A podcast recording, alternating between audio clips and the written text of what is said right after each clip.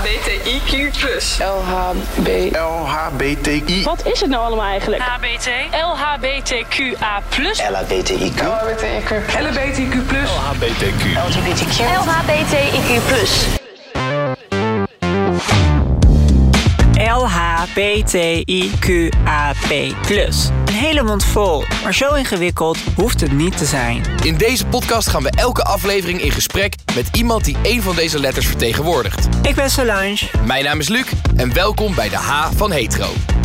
Welkom bij weer een nieuwe aflevering van de podcast Hallo, H van hallo, Hetero. hallo, hallo, hallo, Weer lekker hallo. met Luc, hoe is het met jou, lieverd? Ja, goed. Ja, gaat Ja. lekker? Jazeker. In je swing? Ja, ik zit weer in mijn swing. het weer, weer, Ja, weer vorige swing. aflevering ook. Weer ik helemaal in mijn swing. Ik weet niet wat mijn swing is, maar volgens jou zit ik erin. Dus dan, dan ben ik er zeker. helemaal mee. Hey, eh, vandaag een hele speciale aflevering, zeg ik zelf. Want we zijn eh, bij aflevering 4 aangekomen. De T van transgender. Ja, dit is een beetje jouw aflevering, Dit is een hè? beetje mijn aflevering, maar we gaan het vandaag niet over mij hebben. Want we gaan het hebben ook nou- over jou Ook over hebben. mij, maar over een speciale iemand. Namelijk Lisa van Ginneken. Ja, Hallo. klein applaus op de, op de achtergrond. Applaus, applaus. Superleuk. Ja, Lisa, wat leuk dat je er wil zijn. Ja, dankjewel. Ja, ik, vond, ik, vind, ik vind het echt een heel leuk idee om nou eens die, die gekke alfabetbrei eh, Ja. eh, langs te gaan en Ja. uit te leggen en te verkennen wat nou elke letter zo'n beetje in zou kunnen houden. Ja, Ja. wat al die letters betekenen. Dus al die ja, letters voor de mensen die jou niet kennen, Lisa, jij bent eh, Tweede Kamerlid voor D66 Klopt. sinds maart dit jaar. Ja. Hoe bevalt het?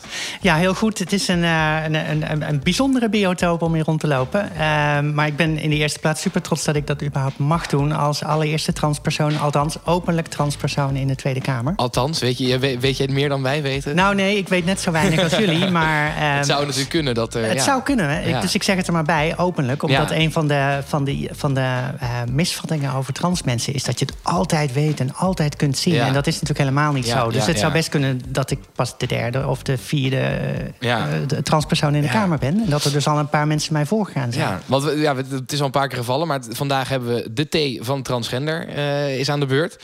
Ehm, en we beginnen eigenlijk altijd een beetje met gewoon even het, het technische verhaal. Gewoon, wat is het precies? Zo, zo, dat we zo, zo duidelijk mogelijk uitleggen aan de luisteraars, wat houdt die T nou precies in? Ehm, dus mag ik aan jou, maar ook aan jou Solange, want ja, jij weet het natuurlijk net zo goed eh, als Lisa waarschijnlijk. Wat is transgender? Wat houdt transgender in? Ja, transgender, dat ehm, je bent een transgender persoon als je ehm, het gevoel hebt en het idee hebt dat het geslacht wat je ouders bij geboorte eh, aan je hebben toegekend, dus die hebben, om het maar even heel plastisch te zeggen, tussen de benen gekeken Ja. en daar conclusies aan verbonden. of een. Hoera, het Ja. is een jongetje. Ja. Ehm, eh, en eh, als je eh, transgender persoon bent, dan klopt dat niet. Dan Ja. klopt eh, die lichamelijke kenmerken, die kloppen niet met wie je eigenlijk werkelijk bent van binnen. Ja. Dus je genderidentiteit, met een heel ingewikkeld woord. Ja, dus dan, Ehm, dan, dan koppel je dus de, de seksen en de gender los van elkaar, als ik het goed zeg. Klopt, en die, Ja. die vallen ook niet altijd samen. Heel vaak wel natuurlijk. Ja. Eh, bij veel mensen klopt het wel, maar bij sommige mensen niet. Ja. En als je dan ehm, eh, dat ontdekt, want daarvoor was je eigenlijk natuurlijk stiekem ook al transgender persoon, maar dan wist je dat nog Ja, niet. ja, ja. Maar als je dat nou in jezelf merkt, van hé, hey, dat gekke gevoel van onbehagen, dat komt hier vandaan, dan kun je besluiten in transitie te gaan. En dan betekent dat feitelijk dat je je sociale rol, de manier hoe dat je je, eh, ja, je, je voorkomen, je kleding, je naam misschien, dat je dat gaat eh, aanpassen, zodat het samenvalt met wie je eigenlijk echt bent. En sommigen kiezen er ook voor om dan ook nog met medische behandelingen eh, het lichaam aan te passen. Ja, want Ja. Ik, daar hadden wij het in de voorbereiding over. Dan, dan noem je het transseksen, toch? Volgens mij, als ik het goed begrepen heb. Transseksueel. Transseksueel. Ja, Ja, dat zou dat- dan de officiële... Ik, ik, ik haat het woord. Nou, het is, het is ook een beetje een ouderwets woord. Heel Ehm, ouderwets. Maar, maar het is, het is Ik zeg weer ouderwetse dingen. Dat Maakt helemaal niet uit. Het is een, eh, het is een term die in de, eh, in- in de medische wereld altijd gebruikt werd voor mensen die ook daadwerkelijk hun genitaal hadden ja, aangepast. ja, precies. Maar transgender, dat is wat jullie allebei eh, fijner vinden dus. Ja. Ja, ja, ja ik, ik, weet, ik, weet niet, ik weet niet waarom, maar ik vind transgender gewoon... Het, het, het klinkt minder offensief dan, dan transseksueel. of Maar je- zo. maar je kan dus- heel, Ja. Of Wat ik nu begrijp, je kan dus ook transgender zijn zonder dat je daar wat eh, aan doet. Nou, je hoeft. Het is niet zo dat je pas je transgender diploma krijgt als je ook operaties hebt gehad. Eh, Precies. dus, en er zijn veel mensen die ervoor kiezen om dus wel hun expressie, dus de, de, de manier hoe dat ze eruit zien, eh, Ja. en, en, en de manier hoe dat ze eh, nou ja, zichzelf noemen en zichzelf presenteren, om dat, Ja. Om dat aan te passen zodat het klopt met wie ze zijn, eh, zonder dat ze medische behandelingen nemen. Dus dat kan heel goed. Ja, precies. En eh, hoe, hoe, kom, hoe, hoe werkt dat traject als je dus inderdaad eh daarachter komt dat je dus jezelf niet thuis voelt in je eigen lichaam. Hoe, hoe, hoe, hoe weet je dat? Ja, dat voel je. Dat voel je. Ja, ik bedoel, het, het, het, het is niet dat je even bij een dokter aanklopt van... weet jij of ik dit ben? Je, Ja. je, voelt, je voelt gewoon eh, dat je ja, je anders voelt... dan hoogstwaarschijnlijk de meeste mensen om je heen. Ja, Tenminste, voor mij was dat wel zo. hè. Ik dacht echt van, ik, ik voel me echt, eh, ik, ik voel me echt meer vrouwelijk. Ik wil niet met meiden zijn, maar ik wil ze zijn. Ik wil hun haar, ik wil eh, hun borsten, ik wil hun kleding dragen, die nagellak, zeg maar. En ik wil ook het gevoel ervaren wat hun hebben. Ja. Dat was voor mij het moment van realisatie waarop ik dacht, oh my god, ik ben een vrouw. Ja, En, en Solange, jij zegt wel van... ehm, het is niet dat je naar een dokter kunt gaan... om dan eh, vast te stellen of je nou wel of niet eh, een transgender persoon bent. Ehm, maar de doktoren zelf hebben heel lang het idee geha- gedag- eh, gehad... dat zij dat wel konden, konden vaststellen. Dus dat ze met heel veel gesprekken met een psycholoog... Ja. inderdaad een soort van oordeel konden, konden vellen van... oh, jij bent wel een, een echte transgender dat soort persoon. diagnose eigenlijk. Ja, ja. En, en, en in de manier waarop de transgenderzorg op dit moment eh, is ingericht, eh, spelen die psychologen nog een enorm grote rol. Maar eigenlijk is dat Ja. natuurlijk heel erg discriminerend en stigmatiserend. Alsof wij dat zelf niet zouden Ja. kunnen Ja, beoordelen. ja, ja, precies. Maar dat is nu ook echt een van de grootste rellen die, die, die losgaan bij het VU Medisch Centrum. Voor de mensen die niet eh, weten wat het VU Medisch Centrum is, dat is een, een, ja, medisch spe- specialistisch ziekenhuis. maar waar- in, maar wat ook de grootste, wat ook de grootste transgender, eh, ja, hoe noem je dat? De transgenderzorgaanbieder is. Eh, waar, je dus te, waar je dus naar terecht kan als je transgender bent of je hebt het gevoel dat je in een ander lichaam bent geboren, et cetera, et cetera. Ehm, maar die maken het dus eigenlijk onmogelijk om een normaal fijn proces te hebben, als ik het even zo mag stellen. In ieder geval, ik had daar niet echt een heel fijn proces, omdat dus al die psychologen daar en ook de intaker, die beoordelen je echt op, op, op, op het feit van. Vinden wij jou transgender genoeg? Ja. Vinden wij jou waard om transgender te zijn en bij ons in behandeling te komen? Ja. Ja, moet ik ik- wel ik- zeggen dat ik, ik ken iemand die daar werkt, goede vriendin van mij. En die, eh, die, die doet daar onderzoek en dergelijke. En die zegt ook, ik heb het er met haar over gehad toevallig. En die zei wel, ja, wij krijgen een soort van hele golf van haat over ons heen. Terwijl, ja, wij proberen het beste te doen. En er is geen enkel ander ziekenhuis in Nederland wat zich hier aan wil branden. Dus wij moeten ook maar iedereen helpen. Terwijl wij zeggen tegen iedereen, joh, ga vooral naar andere ziekenhuizen. En de andere ziekenhuizen helpen ons, doe met ons mee. Maar niemand wil, wil ons helpen. Dus ik wil ook Ja, niet de VU soort van als een soort van het zwarte schaap neerzetten. Terwijl dat volgens mij helemaal niet zo is. En terecht, want ik wil op alle twee jullie opmerkingen geloof ik wel iets, eh, Ja. iets opmerken. Ehm, want het is inderdaad, eh, het, het was vroeger zo dat het eh VUMC de enige plek in Nederland was waar je, waar je terecht kon voor dit soort behandelingen. Dat is Ja. eigenlijk al lang niet meer zo. het is nog wel steeds het allergrootste centrum, dus daar zijn de meeste cliënten onder behandeling. Ja. En je ziet ook wel dat daar in de hele houding, in de hele transgenderzorg in heel Nederland en ook in de hele wereld eigenlijk, dat de houding naar transgender mensen wel verandert. Ja. Dus die psycholoog die heel arrogant zegt... ik ga wel even bepalen of jij transgender genoeg bent. Wil je even Ja. door mijn hoepeltje heen springen? Eh, dat wordt gelukkig steeds minder. Maar dat proces gaat voor de meeste trans mensen eh, niet snel genoeg. Ja. Omdat het natuurlijk fundamenteel en stigmatiserend is. Maar is dit niet ook een beetje hetzelfde als bij bijvoorbeeld eh, bij euthanasie? Dat je dus ja, dat, dat, dat je het als dokter soort van heel zeker wil weten voordat je bij iemand een operatie gaat doen, zeg maar? Of eh, Ja, dat- is, is er dat- niet ook ergens een logische reden waarom het zo is, zeg maar? Dat snap ik deels wel. Natuurlijk wil die dokter zeker weten dat hij het goede aan het doen is. Maar ehm, ik denk dat die eh, transpersoon zelf het ook heel graag heel zeker wil weten. Want het is een ontzettend ingrijpend proces. Ja. Ehm, en zeker als je ook eh, nou ja, je lichaam gaat aanpassen met medische behandelingen. Een groot deel van die behandelingen zijn niet echt meer terug te draaien. Ja, nee, dat, ja, precies. Dat, ik heb een keer een filmpje gekeken van hoe dat, hoe dat gaat. Echt, dan, je mind is helemaal blown als je dat kijkt. Want je denkt echt van, holy shit, dat ze dit kunnen. Echt best wel, best wel ziek eigenlijk.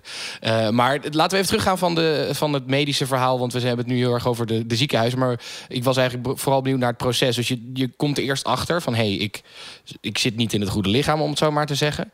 Ehm, en hoe ga je dan dat traject in? Wat, is dan de, wat zijn dan de stappen die je neemt om te bepalen... oké, ik wil deze behandeling wel doen of niet doen. En hoe gaat dat? Ja, ik denk dat iedereen een beetje een individueel traject doorloopt hoor. Dus sommige mensen die zoeken heel snel contact met andere trans mensen. Eh, dat kan eh, via Transvisie of het COC. Of nou, er zijn ook allerlei regionale transcafés. Dus allerlei plekken waarop je andere trans mensen kunt ontmoeten. En, Ehm, nou ja, dat kan ook heel waardevol zijn om als het ware jezelf te eiken van hey, is wat ik voel nou eigenlijk precies hetzelfde als wat jij voelt? En zou dat dan inderdaad betekenen dat ik ook trans ben of niet? Dus daar gaat soms een best wel langdurige zoektocht aan vooraf. Sommige mensen die hebben het, ja, als, als, als, ze- als het kwartje eenmaal valt, dan is het ook helder voor ze. Dus dat wisselt heel erg. Ja, Ja, en dan heb je natuurlijk verder niets anders nodig dan een dikke portemonnee om ineens andere kleding te gaan dragen. Ehm, dat hoor. kun je gewoon helemaal zelf besluiten. Ja. Ehm, en als je een medisch traject wil, ja, dan moet je natuurlijk jezelf laten doorverwijzen door de huisarts. En dan kom je inderdaad eh, of bij het VUMC of bij al diverse gespecialiseerde psychologenpraktijken terecht die je dan kunnen helpen en ook weer kunnen doorverwijzen naar, eh, ja, naar artsen Ja. voor medische behandeling. Dus er zijn heel veel wegen naar, eh, naar Rome, zeg Ja. ik dan maar even. Hoe is die, die stap dan om, dan om dan opeens andere kleren te gaan dragen bijvoorbeeld? Ik kan me best voorstellen dat dat heel spannend is. En dat je, dat je misschien dat heel veel mensen bijvoorbeeld denken dat je dan opeens een travestiet bent of iets dergelijks. Nou, dat heb ik zelf eh, eh, in mijn geval ook heel erg lang gedacht. Ja. Ehm, en ik heb het ook op die manier heel lang gepraktiseerd voordat ik daadwerkelijk in transitie ging. Dus besloten ook mm, als vrouw te gaan leven. Ja. Dus dan was ik vrouw stiekem s'avonds met de gordijnen dicht, Ja. zal ik dan maar zeggen. En het is, was ook letterlijk zo. Ja. En dat heb ik best een hele tijd gedaan. En ehm, op een bepaald moment kwam voor mij het besef... van, ja, dit, dit is niet vervullend, dit klopt niet met wie ik ben. Dit is niet iets voor erbij. Dit is niet een uitlaatklep of een andere kant van wie ik ben. Nee, dit is de essentie van wie ik ben. Ja. En ehm, ja, er was een, eh, voor mij een lange weg voor nodig... voordat ik de, de consequenties daarvan durfde te aanvaarden. Dus Ja. ook echt in, in transitie durfde Want jij was volgens mij de- pas 42 als ik het goed heb onthouden. Ja, rond mijn veertigste heeft, Ja. heeft zich dit hele proces eh, eh, heeft zich toen afgespeeld. En een vriend van mij die zei toen tegen mij, dat vond ik wel heel grappig, toen ik daar middenin zat in, in, in die zoektocht, die zei tegen mij van ja, heb je niet gewoon last van een midlife crisis? Oh my god. en toen zei, ik, toen zei ik ook tegen hem van ja, strikt genomen wel, want ik ben een soort van halverwege mijn leven, ga ik vanuit. En ik zit zwaar in crisis. Ja, dus eigenlijk wel. Dus het klopt wel.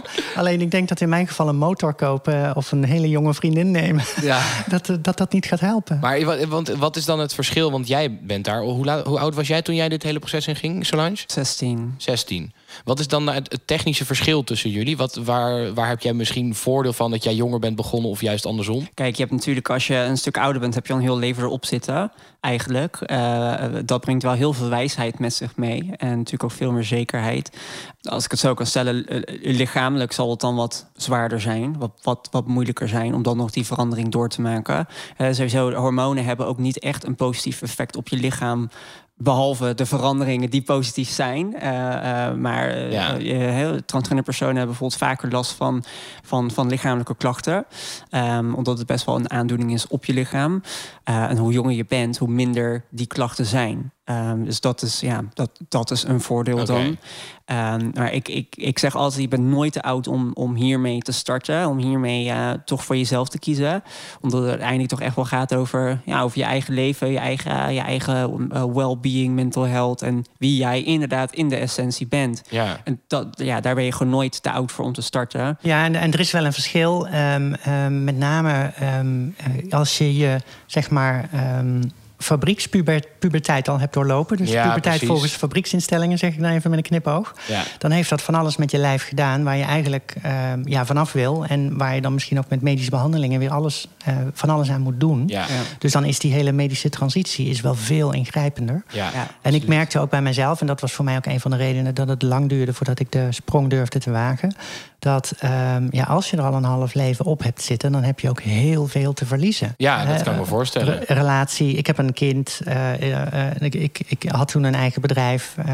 Ja. dat, dat je denkt, ja, ik kan echt alles kwijtraken. En ik heb geen idee waar ik terecht ga Ja, komen. hoe, hoe, gaat het, hoe, hoe, hoe ging jouw kind daarmee om? Ik weet niet, een zoon, dochter, Zoon? zoon. Hoe ging die om met, eh, met, met ja, het feit dat, dat papa opeens mama was? Ja, dat is natuurlijk een gek proces. En aanvankelijk eh, de- was het heel mooi om dat samen door te maken. Maar Ja. er was wel een moment waarop het eh, eh, allemaal te ingewikkeld werd. Ja. Eh, dus we hebben ook een eh, best flink aantal jaar geen contact gehad. Oh.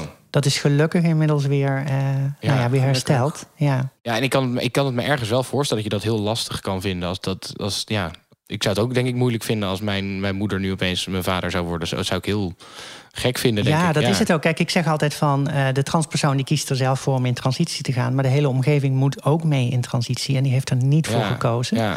Ehm, dus dat is best wel ingrijpend. Dus ik snap het ook heel goed dat, eh, nou ja, dat het bij ons zo, zo is gelopen. Ja. Even nog terug naar, naar het technische verhaal. Voordat we, want ik ben natuurlijk ook heel benieuwd naar jouw persoonlijke verhaal. Maar even om het af te ronden voor de, de luisteraar. Wat is nou precies transgender?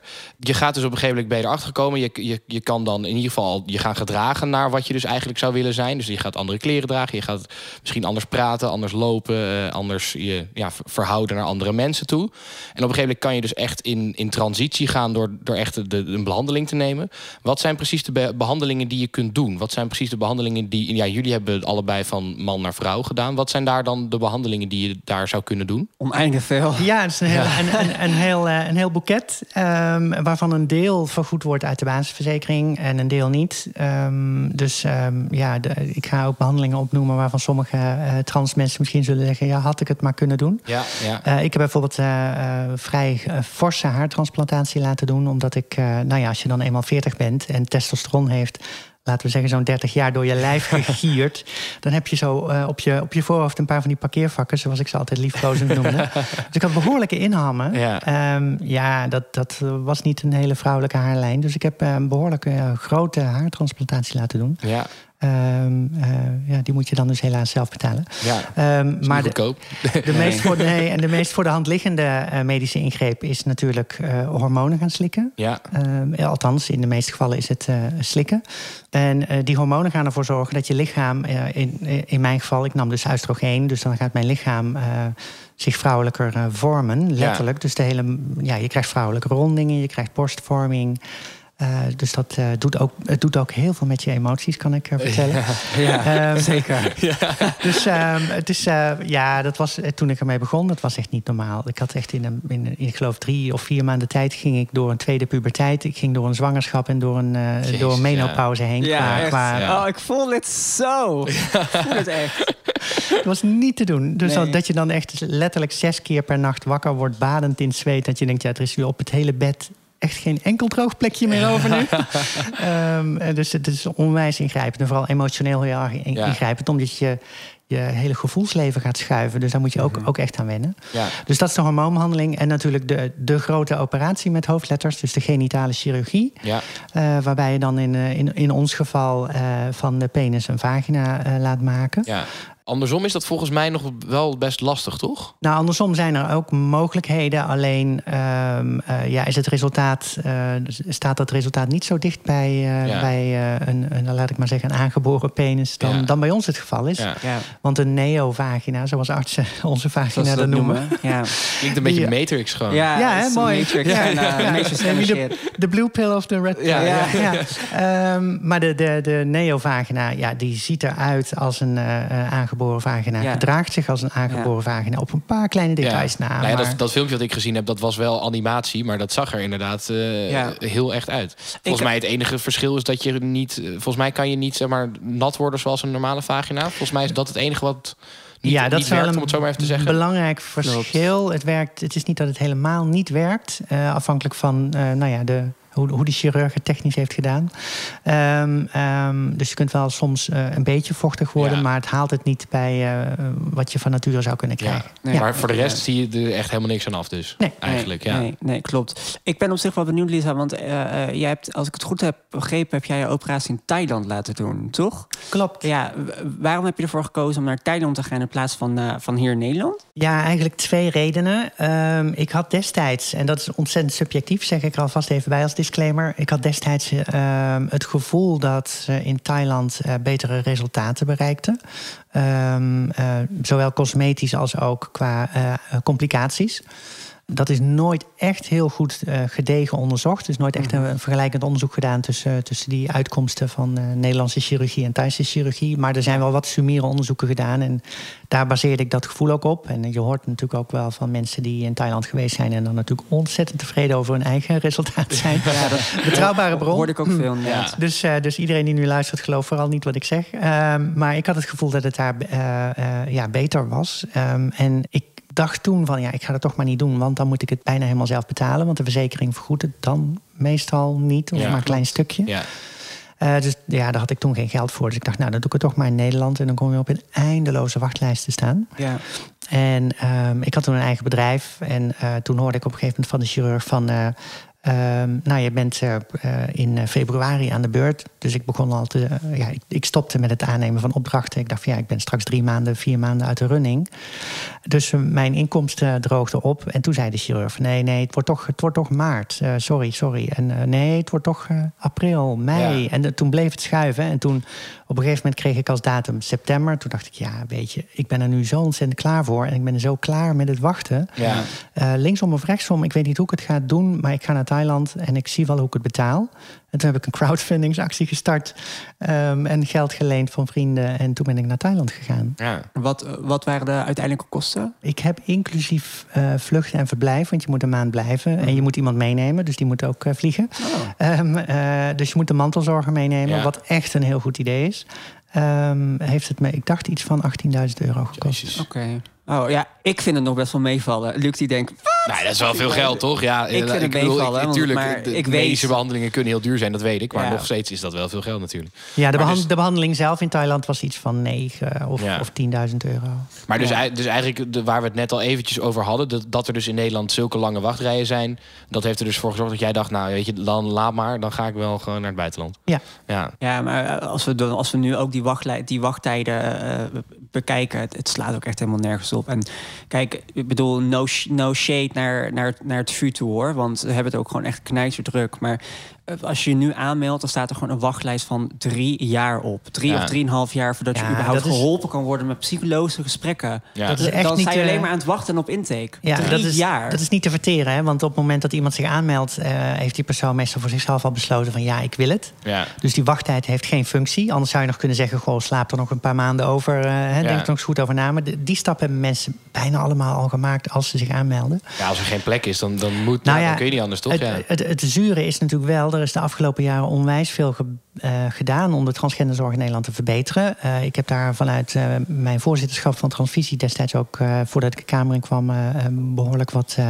eh, nou, ik heb me daar behoorlijk tegen aan bemoeid. ja, want transvisie, dat is de, een, een, een- Dat is een be- nou ja, belang- Belangenorganisatie, belangenorganisatie. ja. Dus, dus wij, wij eh, ehm, behartigen belangen. eh, wij, hoor je mij? Ja. Transvisie behartigt belangen.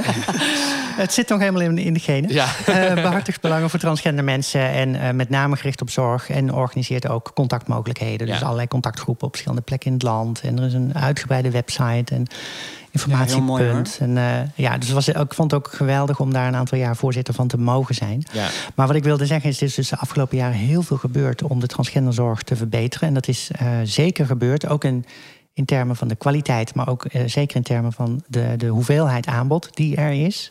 Ehm, alleen wat je ook ziet, is dat de, de toestroom enorm is toegenomen.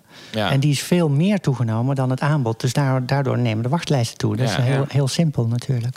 Ja, Ehm, ik wil eigenlijk even terug naar gewoon jullie verhaal als transgender. Want dat is waar, we, waar ik in ieder geval heel benieuwd naar ben.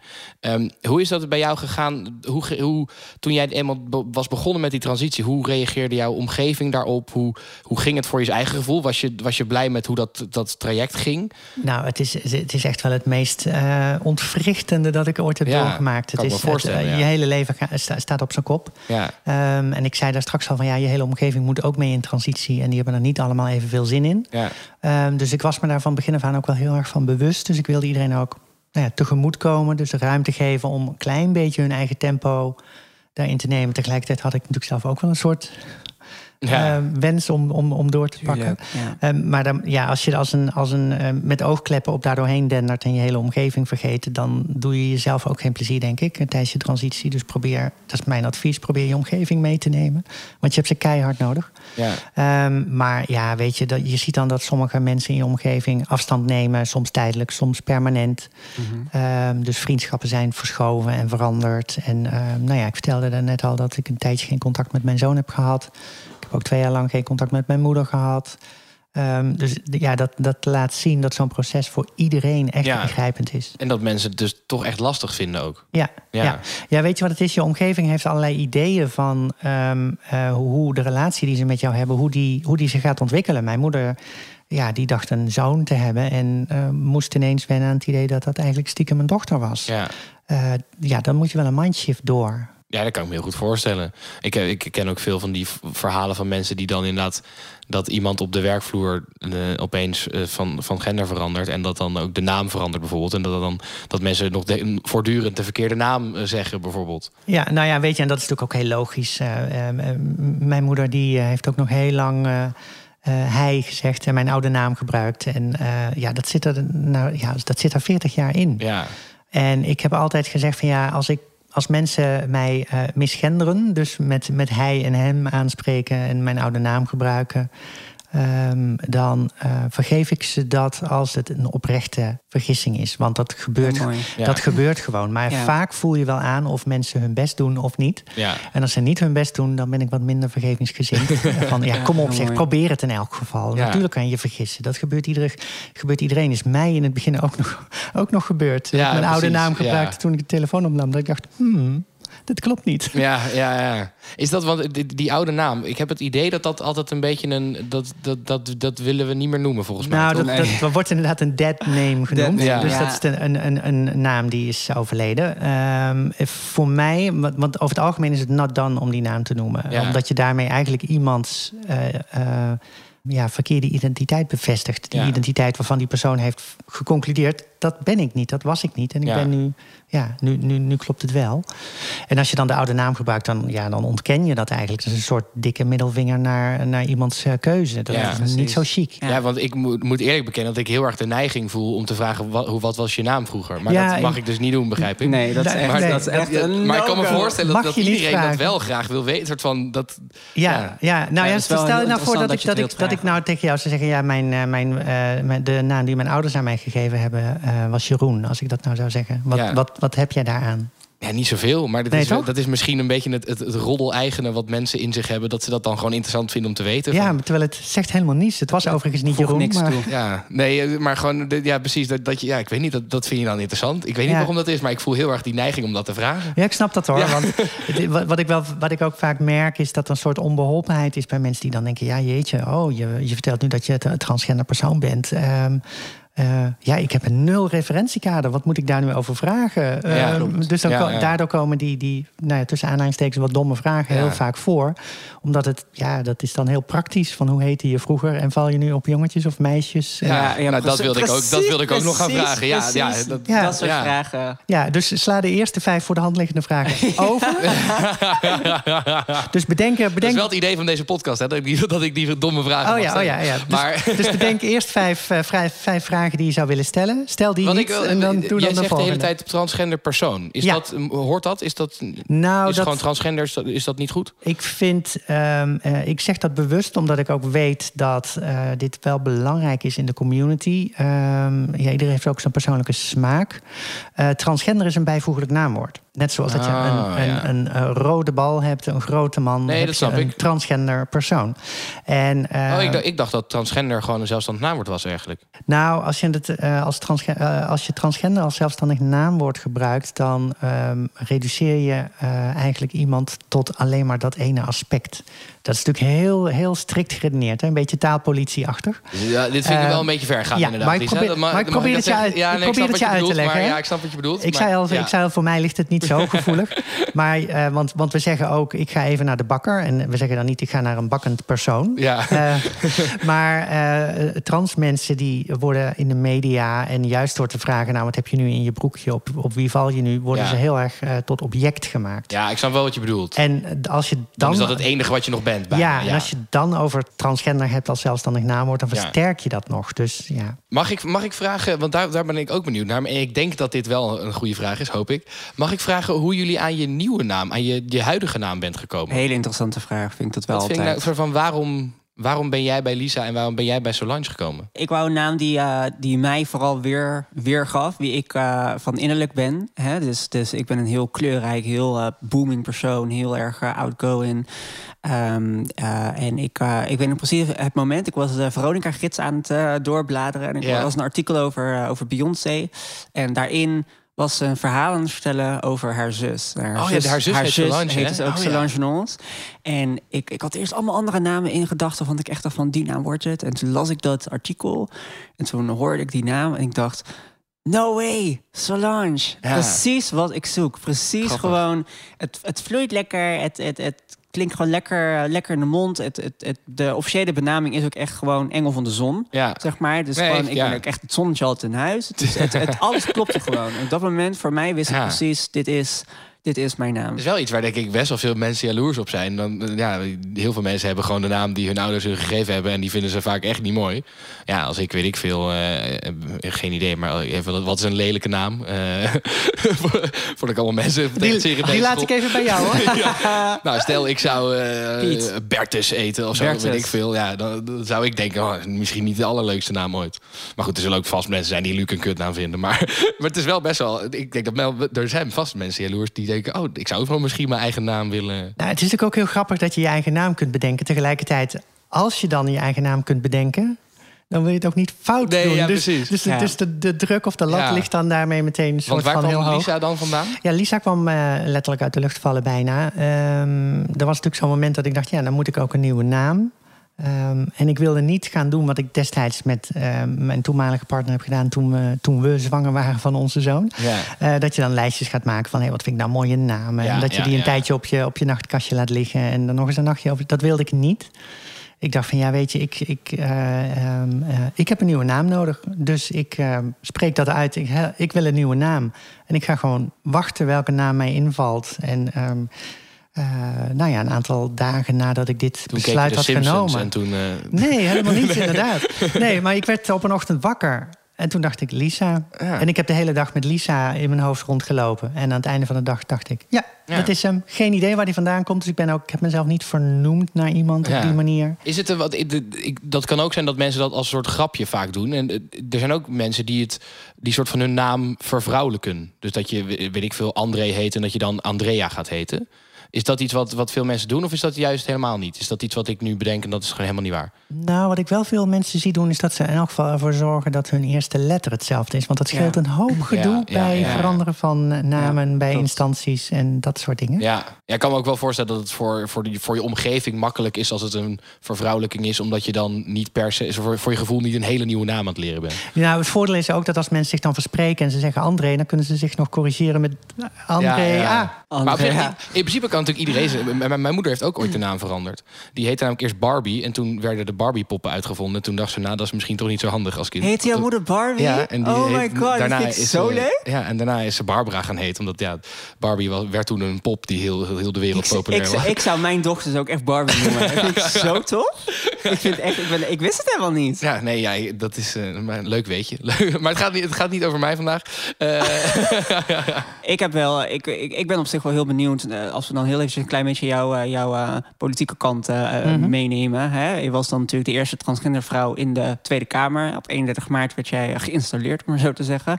Ehm, eh, daar is hoogstwaarschijnlijk ook veel commotie op gekomen. Zeker. Ehm, is, wat ik dus nu eigenlijk wel heel benieuwd ben, is er nu nog steeds commotie vanuit andere Kamerleden naar jouw komst binnen de Tweede Kamer? Hoor jij dingen of hoor jij dingen van collega's van je eh, die over jou gaan op een negatieve manier? Nou, niet in de rechtstreekse roddelende zin, zal ik maar zeggen. Ehm, maar er zijn mensen in onze samenleving die vinden eh, eh, transgender mensen maar raar of zelfs gevaarlijk en fout en verwerpelijk. Been there, done that. ja, nou ja, die, eh, die zijn er ook in de politiek. En ehm, dat is niet veranderd met mijn komst. Het is zelfs zo dat eh, eh, de PVV het gewoon aandurft om terwijl ik in de zaal zit. Geert Wilders heeft dat bijvoorbeeld gedaan bij de algemene politieke beschouwingen. Terwijl ik in de zaal zit, om dan vanaf de kansel, zou ik haast willen zeggen, te gaan, te gaan voeteren over genderideologie en verwerpelijkheid. En mannen mogen geen mannen meer zijn. En, ehm, dus dat, eh, ja, dat, maakt, dat maakt het dus kennelijk niets uit dat ik hem op dat moment recht in de ogen zit aan te kijken. Nee. nee. Eh, dat, dat zegt iets over ehm, nou, hoe, hij in, hoe hij erin zit. ja. Ehm, ja, weet je, dat is, eh, dat is triest en, en verwerpelijk, vind ik.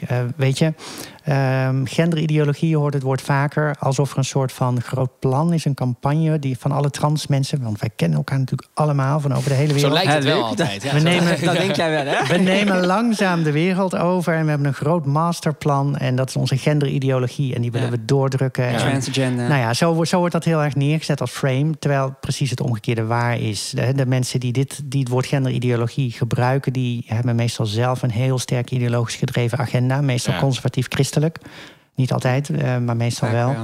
ja. Ehm, en die willen die agenda dus, dus als het ware pushen in de samenleving. Waardoor, ze, eh, waardoor het gevolg dan zou zijn dat allerlei mensen hun rechten kwijtraken. Ja, want- Vrouwen, LHBTI'ers. En wat wij proberen te bereiken is dat juist iedereen zichzelf mag zijn. En daarom spreek ik me er ook over uit. Hè. Dus ik, ben ook, ik voel mezelf al een klein beetje een LHBTI... Nou ja, activist vind ik een ingewikkeld woord, maar in ieder geval een belangenbehartiger. Oordoper, ja. Ja, dus ik spreek me daarover uit omdat het. Wij willen gewoon de ruimte om onszelf te kunnen zijn. En de ruimte die wij nodig hebben, gaat niet ten koste van de ruimte van anderen. En de- Hoe komt dat? Denk je dat, dat dus dan toch er heel veel mannen zijn die denken... ja, je mag als man ook tegenwoordig helemaal geen man meer zijn? Ja, ik, ik zou het heel fijn vinden als mannen gewoon nog de ruimte voelen om eh, eh, man te zijn. Maar dat betekent wat mij betreft niet dat ze vrouwen mogen beledigen, bijvoorbeeld. En als sommige mannen denken dat dat onderdeel van man zijn is. Ja, En dat is natuurlijk onzin. ja. Ja. Ja, daar ben ik het mee eens. Maar We komen weer op dat, op dat stukje toxic masculinity uit. ja, daar hebben we het de vorige aflevering even- over gehad. Inderdaad, Ja. dat is, maar aan de andere kant, er zijn dus ook heel veel mannen die gewoon mannelijk zijn... en die dat niet Die wel als vervelend Ja. voelen... en die ook wel gewoon normaal met andere mensen omgaan. Ja, absoluut. dat kunnen we ook doen, toch? Hey, maar eh, Lisa, jij hebt eh, de Pride Award eh, mogen ontvangen. ehm, hè, door Mhm. mede, mede jouw, jouw, ja, jouw komst in de Tweede Kamer. Hoe heeft dat een effect gebracht op de jeugd van nu? Nou, weet je, die Pride Award is ehm, eh, een fantastische erkenning voor het feit dat ik me al jaren uitspreek voor ehm, eh, ja, gelijke rechten voor transgender mensen. Ja. Ehm, dus ik ben er super trots op dat het op deze manier erkend is. Ja. En het heeft mij opnieuw nou ja, zichtbaar gemaakt als eerste transpersoon in, eh, in, in de Kamer. En dat vind ik fijn als dat af en toe zichtbaar gemaakt wordt. Ja. Omdat ik dan kan vertellen waarom dat het eigenlijk idioot is dat ik dan de eerste zou zijn. Want er zitten na elke verkiezingen 150 Kamerleden in de Kamer. En puur op basis van statistiek zou er dan elke keer anderhalve trans, eh, transpersoon bij moeten zitten. Ja, ja, precies. Dus hoe kan het nou dat na al die jaren er nog nooit eentje eh Ja, zo ver gekomen was? Nou, dat, Ja. dat, de reden is heel simpel. Omdat wij stelselmatig eh, op achterstand staan in onze samenleving, worden gediscrimineerd. We hebben altijd de wind tegen, zoals ik het noem. Eh, en dat ik daar dan toevallig net tussendoor glip en wel daar terecht kom, dat eh, is niet zozeer mijn verdienste, het is gewoon mazzel.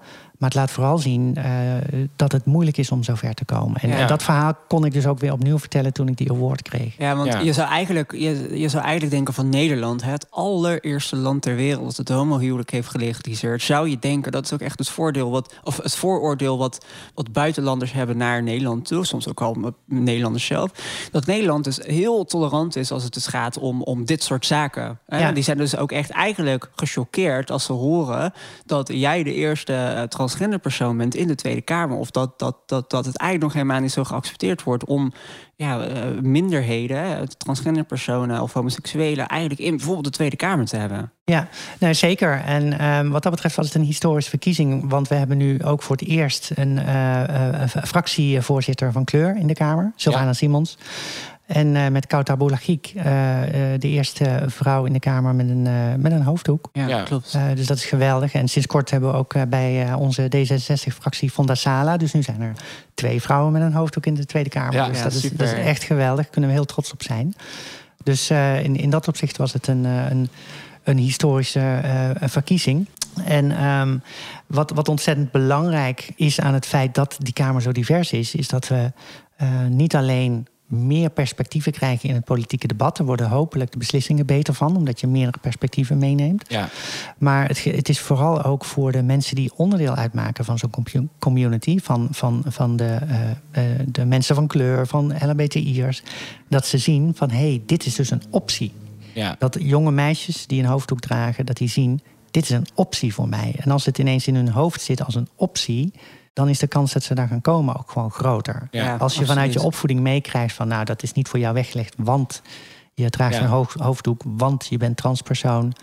Eh, ja, dan, dan gooi je bij voorbaat het bijltje er Ja, al bij neer. En dan ja, kom je ja. er ook inderdaad nooit. Ja, en jij, jij, zit nu in de Kamer, jij, jij maakt je daar heel erg hard voor, eh, voor de transgemeenschap, maar ook voor de, de hele LHBTIQA+, eh, als ik ze er allemaal bij mag pakken.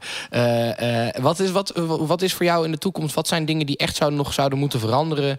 Waar hoop je op dat dat, dat dat gaat veranderen in de toekomst voor de T van transgender? Ja, nou ja, laat ik eerst zeggen dat ik, ehm, ik, ben, ik spreek mij heel veel uit over trans-issues. ehm, eh, omdat ik eh, ja, toch een boegbeeld van een community ben, om maar even een paar gekke woorden in één zin te zetten. Ehm, maar ehm, eh, ik heb heel weinig transgender onderwerpen ook echt in, in, in portefeuille. Ja. Dat zijn niet, niet de thema's waar ik me mee bezig hou als Kamerlid. Eh, want ik ben vooral bezig met onze digitale Maar samenleving. identiteit zit toch ook in... eh, De identiteit zit wel zeker ook in mijn, eh, in mijn eh, portefeuille. Maar dat gaat dan vooral over paspoorten. Ah, dus letterlijk op die manier. Ah. Ja. Ehm, en persoon- en familierecht zit in mijn portefeuille. Daar zitten ook LHBTI-thema's in. Daar kom ik dan zo nog even op. Maar het grootste deel van mijn portefeuille is, het, zijn digitale Ja. vraagstukken. Dus hoe gaan we om met de nou ja, digitale technologie in onze samenleving... die heel erg eh, het debat bepaalt... die heel erg eh, de dynamiek in de economie Ja. bepaalt. Grote techbedrijven die het voor het zeggen hebben. Eh, die grote techbedrijven die ons social media platforms geven... die bepalen dus ook wat je allemaal wel en niet kan zeggen op social media. Ehm, en dat raakt ook onze community. Hè. Er is natuurlijk heel veel hate speech op social media. Ehm, dus het is ontzettend belangrijk dat we dit soort dingen eh, vanuit nou ja, democratische beslissingen een beetje gaan regelen. Want als je dat overlaat aan commerciële bedrijven, dan krijgen we de bagger waar we nu mee zitten. Ja. Eh, dus dat, moet- dat moet niet. Ehm, dus op die manier kan ik in eh, mijn digitale portefeuille ook iets betekenen voor de LHBTI-community. eh, en in persoon- en familierechten zeker ook. Omdat daar vallen onderwerpen in als meer ouderschap. Dus dan eh, het juridisch regelen dat kinderen eh, steeds vaker meer dan twee ouders hebben. ja. Zodat alle ouders ook juridisch iets eh, zijn van die kinderen. Ja. Ehm, eh, de- draagmoederschap, adoptie, dat zijn eh, ook belangrijke onderwerpen die voor LBTI eh, ehm, eh, stellen eh, vaak een eh, ja, weg zijn om een kinderwens te vervullen. Klopt. En natuurlijk, dat moet ik dan eh, toch even met een dikke streep eronder zeggen, eh, het juridisch kunnen wijzigen van je eh, geslachtsaanduiding in je paspoort. Ja. Dus ik ben destijds in mijn paspoort ook veranderd van M naar V. Ehm, daar zijn natuurlijk wetten voor die dat mogelijk maken. Die wetten die, nou ja, die liepen heel lang echt vreselijk achter. Dat je verplicht was jezelf te laten opereren voordat je dat überhaupt Ja, kon dat doen. ja. Dat is in 2014 wel veranderd. Maar, eh, en dus die wet die daar toen kwam is een enorme verbetering. Maar daar stond nog steeds in dat een psycholoog eerst moest vertellen dat je ook wel echt eh, trans, Ja. eh, trans was. Ehm, en binnenkort komt de minister met een aangepaste wet waar de psycholoog geen rol meer heeft. Dat is een geweldige stap naar voorwaarts. Ja. Maar er missen nog allerlei dingen. Dus ik ben daarmee bezig om aanvullende wetsvoorstellen te maken. Om ehm, bijvoorbeeld niet-binaire transpersonen, die wil ik toch even noemen, Ja. ook de mogelijkheid te geven om Want eh, zonder dat ze naar de. niet- niet- niet-binaire transpersonen, wie, wie en wat zijn dat? Ja, dat zijn, ehm, ehm, dat zijn mensen die zich niet eenduidig als man of vrouw identificeren. Dat klinkt heel academisch als ik het zo formuleer. Nee, oké, maar, dus, maar, Maar die voelen wat zich is dus het verschil dan met non-binair? Nou ja, het, eh, we dachten altijd, veel mensen denken dat nog steeds, dat eh, geslacht en gender dat dat iets binairs was. Er zijn maar twee opties: Ja. mannetjes en vrouwtjes. Ehm, als je om je heen kijkt, zie je al dat iedereen op een andere manier invulling geeft aan het man zijn of het vrouw zijn. Dus Ja. je weet eigenlijk allemaal al dat is een soort spectrum. En er zijn ook mensen die dat zo sterk voelen dat het niet zo eh, een van die twee Ja. uiterste is. Dat ze zeggen, ja, maar ik identificeer me ook niet nadrukkelijk mannelijk of nadrukkelijk Ja. vrouwelijk, maar een beetje van allebei of van alle twee niks. Ja. Eh, eh, dus dat, dat komt dan in verschillende smaken. Maar dat is non-binair. Dat is non-binair. En wat is dan Ja. non-binair transgender? Nee, nou ja, dat, dat ehm, non-binaire personen die worden door veel mensen onder de paraplu van transgender personen gerekend. Oh, dat wist ik niet. Eh, anderen zeggen weer nee, het is echt iets anders. Het hoort ernaast. Ja, dat, vind- dacht ik inderdaad. Ja, dus dat is een prima gedachte. Ik doe daar geen uitspraak over. Er wordt ook snel al een beetje een academische discussie. Ja. Eh, in de wetenschappelijke literatuur. Nee, ik dacht meer gewoon, heb ik, heb ik iets gemist dat Nee, er ook non-binaire transgender Nee. mensen bestaan of zo? Nee. Maar Oké, ja, oké. in, in, ja. de, in de literatuur wordt altijd te- tegenwoordig altijd gesproken over gender-non-conforme mensen. Ja. En daar vallen we allemaal onder. Maar dat klinkt wel heel academisch. Ja. Maar het probleem met eh, non-binaire eh, transpersonen, zoals ik ze dan toch maar even noem. eh, als het gaat om het juridisch wijzigen van hun geslacht. Dus die willen dan geen eh, emmetje en geen veetje in hun paspoort, maar een x'je. ja. Die moeten daar nu nog steeds voor langs de rechter. En dat is eh, heel stigmatiserend. De rechter heeft geen enkele inhoudelijke toegevoegde waarde. Nee. Eh, wat weet die rechter daar nou van? Ja. Ehm, die kan niks anders doen dan een psycholoog vragen: Goh, wat vind jij ervan? En we wilden nou juist af van die psychologen. Ja. Ja. Dus ik ben een voorstel aan het voorbereiden om eh, non-binaire transpersonen ook gewoon bij de gemeenteambtenaar een X in hun paspoort te Ja. kunnen, te, te kunnen, te Als ik kunnen het zo laten hoor, krijgen. heeft, heeft het heel veel te maken met erkenning. Erkenning van wie je bent. En Ja. dat zit hem in, in alles. Dat zit hem in niet gediscrimineerd worden eh, bij solliciteren. Dat zit hem ook in eh, niet in elkaar geramd worden als je op straat loopt. Want het geweld richting eh, de transcommunity is enorm. Ja. Ehm, en het zit hem ook inderdaad in eh, op een normale manier gewoon in je paspoort de letter kunnen krijgen die, die bij, je- bij jou past. Ja, Mooi. ja, bijzonder wel. Luc, er schiet mij een vraag te binnen. En Er schiet jou een vraag er te schiet binnen. mij een vraag te binnen. Vertel. En- en- ga ik zeker doen. Ik, ik ben heel benieuwd, even om het koers om te gooien. Eh, we gaan het wel even hebben over, over een stukje daten. Over daten. Over daten, Ja. ja. ik, ik, ik ben er toch benieuwd naar. Zou jij ooit met een transvrouw willen daten? Oeh, dat vind ik een hele lastige vraag. En daardoor ook denk ik een goede vraag. Ja, want Ehm, eh, dit, dit is natuurlijk best wel een, een, een, een, ja, een Ja, probleem. je vraagt wat- het niet voor niks natuurlijk. Nee, nee want eh, wat, wat, eh, ik ervaar het probleem best wel vaak dat er heel veel, hè, de gemeenschap die bekijkt eigenlijk naar heteroseksuele mannen die, die op transvrouwen vallen eh, als, als homoseksueel. Dat is natuurlijk heel beschadigend voor de man in kwestie. Ja. Eh, eh, als ik het even zo mag zeggen. Dat, dat, dat de man dan denkt van... oh, ik wil hier niet mee geassocieerd worden... dus ik, ik, ik hou het af. Dat is in ieder geval mijn persoonlijke ervaring erbij. Maar ik, ik ben benieuwd hoe jij dit ziet. Ja, wat ehm, jij zou doen. Ik denk mijn eerlijke antwoord is nee. Ik zou dat denk ik ook niet zo snel doen. Eh, dat heeft niet te maken met dat ik dan bang ben dat mensen me uh, gay vinden of zo. Dat, dat niet. Ehm, ik zou het ook helemaal niet erg vinden om bijvoorbeeld een keer eh, in een café met een transpersoon eh, eh, te, te, te zoenen of zo. Dat zou ik ook helemaal niet erg vinden. Maar ik denk op het moment dat je echt met iemand gaat daten. Sowieso, als ik met iemand ga daten, moet ik daar wel het idee bij hebben van nou, hier zou iets uit kunnen komen. En ik denk, ja, ik vind het lastig om, te, om te, te plaatsen waar dat dan vandaan komt. Maar ik denk dat dan, dat toch te maken heeft ook met het idee eh, dat je bijvoorbeeld ook geen kinderen meer kan krijgen op de, de biologische manier, zeg maar. Ik denk dat dat voor mij ook wel meespeelt. Dat ik dat, ja, ik weet, niet, ik weet niet of ik per se kinderen wil, maar als ik die zou willen, zou ik dat heel mooi vinden om dat op die manier te hebben.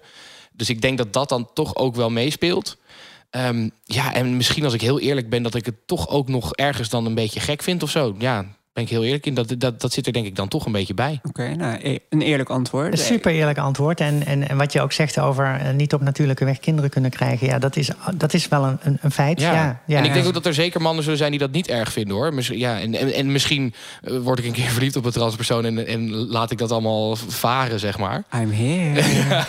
Probeer je iets. eh, Nou ja, ik ken ook, eh, ik ken ook trans mensen die, eh, eh, en dit geldt dan vooral voor, voor trans vrouwen. Ehm, ehm, want eh, nou ja, we hebben het al eerder benoemd dat voor trans mannen er meestal na de genitale chirurgie wel een, een, een functionerende penis eh, eh, ja, kan ontstaan. Maar die ziet er toch net niet helemaal ja. perfect uit, om het maar even zo te zeggen.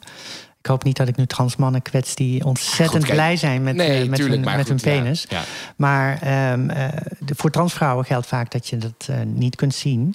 En ik, ik ken transvrouwen die al jaren een relatie met een man hebben... waarvan zij toch vrij zeker weten dat die man het niet weet. Ja, ja, dat zou nog kunnen ook. Het is wel, dat moet ik wel bevestigen in zoverre. Ik denk dat ik het bij vrouwen, dus, dus bij mannen die een vrouw zijn geworden, het vaak minder snel door heb dan andersom. Vaak is dat op de een of andere manier lukt dat beter of zo. Gewoon even in heel plastisch gezegd. Oh, Zeg maar. grappig, grappig. Mijn ervaring is precies andersom. Precies andersom. Ja? Ja? dat is mijn ervaring ook. Ja, Oh, Ja. waarom? Hoe komt dat dan? Nou, omdat ehm, ehm, de eh, hormoonbehandeling eh, van man naar vrouw... die doet wel iets met, met eh, ronde vormen, zei ik daar straks al. En je spiermassa neemt af, maar je stem verandert niet. Je baard blijft doorgroeien. Ja, Eh, en bij transmannen, eh, die dus eh, testosteron gaan nemen... ja, die krijgen spiermassa, die krijgen een buikje en al dat soort dingen. Daar hoor ik heel veel transmannen over klagen. Ehm, en, zie je, we kunnen er niks aan doen. Het komt gewoon. door zeker, zeker, zeker. Komt door de testosteron en door het bier. Oh, misschien heb ik Ja. dan wel helemaal niet goed gekeken. Misschien heb ik het, is het me dan ook heel vaak gewoon heel, is het zo goed gelukt dat het me überhaupt niet is opgevallen. Nou, dat, zou ook nog kunnen. dat denk ik wel, want bij transmannen gaat ook de stem meestal, of Ja. eigenlijk altijd, gewoon naar beneden. Die gaan gewoon echt een, een jongenspuberteit door. Dus die Ja. krijgen ineens baardgroei, Ja. hun haar gaat ja, uitvallen. En ehm, dus die hormoonbehandeling die, die eh, werkt voor transmannen Ja. eigenlijk beter. Zij hebben dan helaas wel het gevolg dat de chirurgie ja, wat minder perfect Ja. is. Eh, en bij transvrouwen is dat precies gaat, andersom. ja. Over Ja. domme vragen. Volgens mij zeg ik net op de valreep nog even iets heel doms. Goed gelukt, dat mag volgens mij echt, dat kan je niet zeggen, toch? Ik Dat- ik, liet het net slippen, maar Mo- mooi dat je het zelf zag. Ja, Ja. ja. ga ik daar nog iets van zeggen, maar dat, dat eh, goed gelukt kan je eigenlijk niet zeggen. nee. Nee, want- Maar ik denk dat wel veel mensen dat wel Heel veel, denken heel veel mensen ja, die toch? Ja. zeggen dat ook. Maar eh, een reactie die ik altijd heb van... ik ben geen IKEA-bouwpakket. Nee. Dus ik Ja. bedoel, er is niks goed gelukt aan mij. Nee, maar, Nou, ja, maar goed, het, het, legt ook, het legt ook bloot, iets wat een breed breder probleem is in onze samenleving, eh, breder dan alleen eh, trans mensen. Eh, er is kennelijk een beeld van hoe een man of een vrouw moet Ja, zijn. ja. En hoe dichter je daarbij in de buurt komt, hoe beter je dan zogenaamd gelukt zou Ja, zijn. Dat, dat transvrouwen echt heel vrouwelijk moeten zijn. ja, ja. Ja, want even, even advocaat van de duivel. Inderdaad, als je dat beeld hebt van... oké, zo hoort een vrouw eruit zien en zo hoort een man eruit zien... wat kennelijk dus wel veel mensen hebben... is natuurlijk niet... Het is ergens een soort van begrijpelijk dat iemand dan denkt... oh, jij wil van een man naar een vrouw. Nou ja, hoe goed is dat gelukt? Dat is, dat, dat is dan natuurlijk wel iets wat je... ja hoe bot dat voor jullie dan op dat geval in dat moment is. Ik kan wel ergens begrijpen waarom je dat zou denken, zeg maar. Ja, maar ik kan me ook. eh, eh, de- mijn wedervraag zou zijn: ehm, vind, kijk jij zo naar alle vrouwen? Goh, je bent eigenlijk best wel gelukt. Want er zijn vrouwen die hebben allemaal verschillende Nou manieren zin, van. Als jij zegt dat, het, altijd- als een vrouw heel knap is, dan, dan, dan zeg je dat natuurlijk in zekere zin ook Oké, ergens. ja, toch? Ja. Nou, als je dat in dat geval ook zegt, dan mag je het voor transvrouwen ook doen. Ehm, maar maar we Nee, ik zijn snap heel zeker goed waarom, geen. eh, waarom je dat niet zo... Daarom, ik hoorde het mezelf zeggen. Ik dacht, oeh, dat is volgens mij echt niet goed dat ik dat zeg.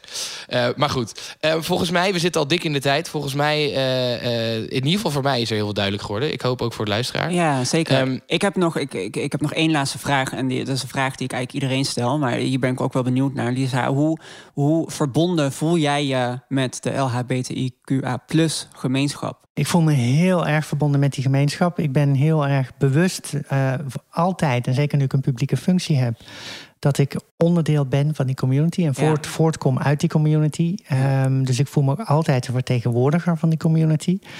Ehm, dus ik hoop ook, ondanks het feit dat ik ehm, weinig LHBTI-onderwerpen in mijn eigen portefeuille heb. Ik doe geen transgenderzorg, ik doe geen LHBTI-emancipatie. Maar eh, ik, ik spreek me er wel heel veel over uit. En ik ben heel eh, vaak aanwezig bij ehm, eh, LHBTI-events. Ehm, Ja.